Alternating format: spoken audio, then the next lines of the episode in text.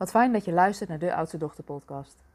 Mijn naam is Eike Borghuis en het is mijn intentie met deze podcast om je bewust te maken, je te inspireren van al die mooie kwaliteiten die je hebt als oudste dochter. En eerlijk is eerlijk, ook de valkuilen, want die hebben we zeker ook. En in deze aflevering wil ik het graag met je hebben over de vraag: had je zin om weer te beginnen? De afgelopen weken zijn alle scholen weer begonnen.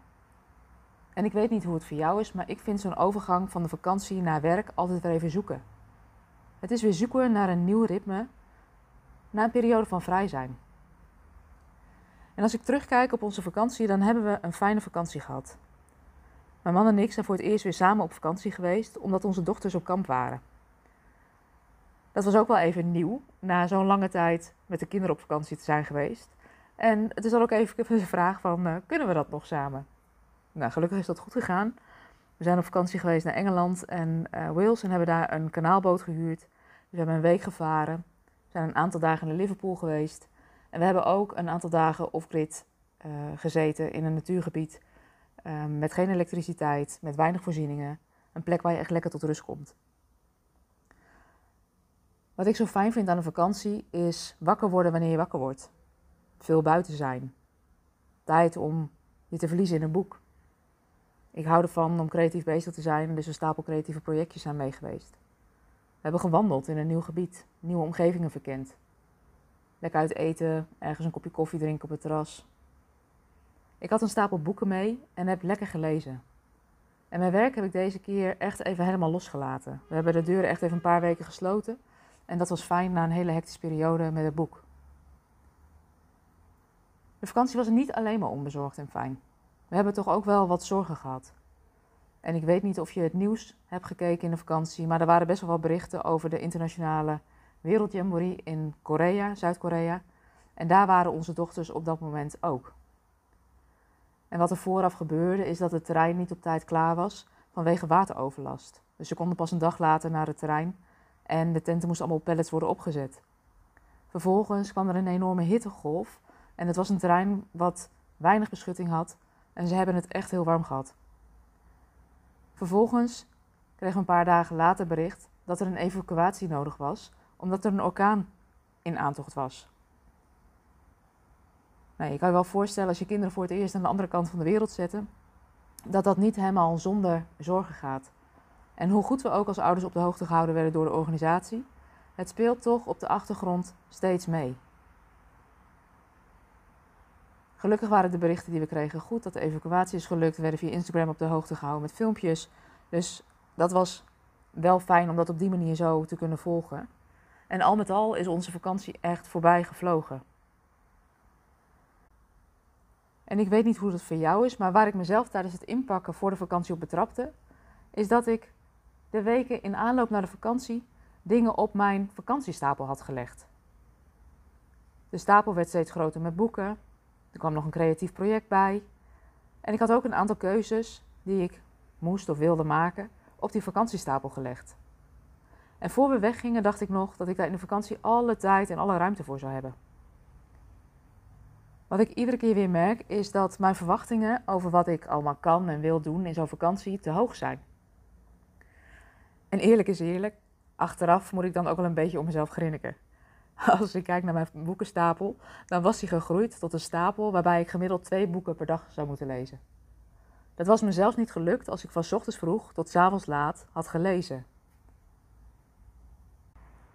Deze valkuil hoorde ik ook veel terug in de gesprekken die ik heb gehad na mijn vakantie. Je hebt het idee dat je helemaal uitgerust bent na zo'n vakantie. Maar eerlijk is eerlijk, dat is vaak helemaal niet het geval.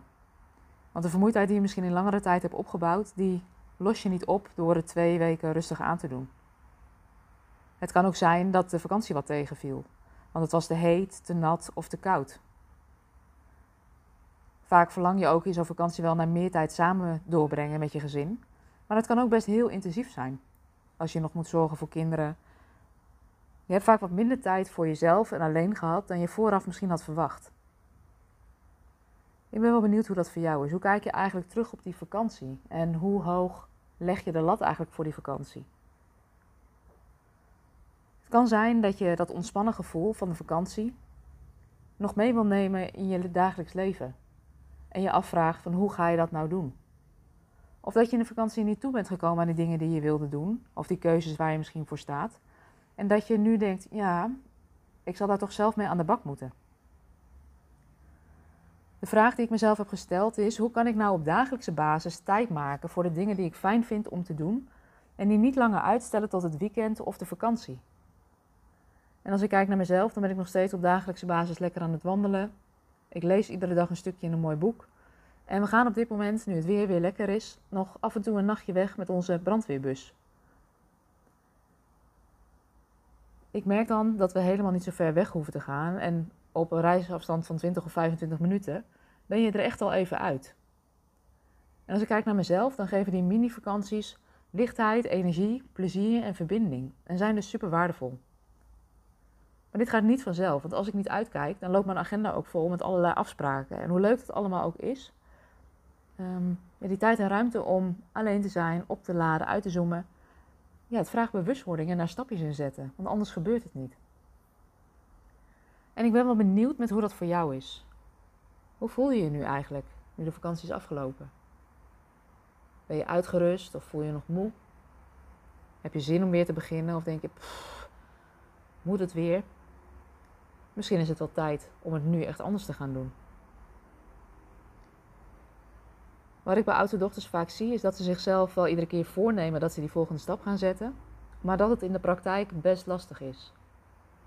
En dat is ook niet zo gek, want wat je ziet in de praktijk is dat oudste dochters het altijd zelf en alleen proberen op te lossen. Dat doen ze vaak door er nog langer over na te denken. Maar als dat antwoord in je hoofd had gelegen, dan had je de oplossing al lang gevonden en was je wat anders gaan doen. Het antwoord ligt dus niet in nog harder nadenken over hoe je het op zou kunnen pakken. Dat is de reden dat ik een masterclass aan het maken en organiseren ben, waarin ik je als oudste dochter eigenlijk leer wat nou die kwaliteiten zijn van oudste dochters, wat de valkuilen zijn, maar ook hoe het komt dat het niet lukt of niet duurzaam lukt om die stappen te zetten die je graag zou willen zetten. En ik leg je in die masterclass ook uit wat er voor nodig is om daar wel echt verandering in te brengen. Zodat je meer energie, meer ja, energie, plezier en voldoening ervaart.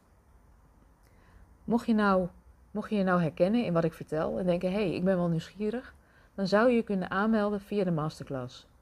Die zal ik ook in de show notes zetten bij deze aflevering. Die masterclass die geven we regelmatig. Dus ook als je een keer niet kan of de eerste datum niet kan, kun je je gewoon aanmelden. Dan sturen we de masterclass na afgelopen naar je toe. Of je kunt je aanmelden voor de masterclass die we later organiseren. En ja, zo'n masterclass is al een hele mooie eerste stap om even tijd en ruimte voor jezelf in te plannen. De masterclass aan het eind, is, daar is dan ook gelegenheid voor het stellen van vragen. En dat vind ik ook fijn, want ik merk de laatste tijd dat er best wel wat aanvragen op ons afkomen na boek. Um, en het liefst zou ik ook met jullie allemaal individueel in gesprek gaan, maar dat laat mijn agenda gewoon niet toe. En dit is een manier om toch met elkaar te zijn, eh, je vragen te kunnen beantwoorden en inzichten te krijgen in die oudste dochterdynamiek. Weet dat je van harte welkom bent. Ik ontmoet je graag. En uh, wie weet zie ik je in de masterclass. We zijn hiermee aan het einde gekomen van de aflevering over heb je zin om weer te beginnen? En wat ik je gun is dat je dat vrije gevoel waar je misschien zo naar verlangt, dat je dat met die kleine mini-stapjes nu al gaat veranderen of toepassen voor jezelf. Want als jij het niet doet, dan doet niemand het. Ik wil je bedanken voor het luisteren. Ik wens je een hele fijne dag en uh, wie weet tot snel. Dag!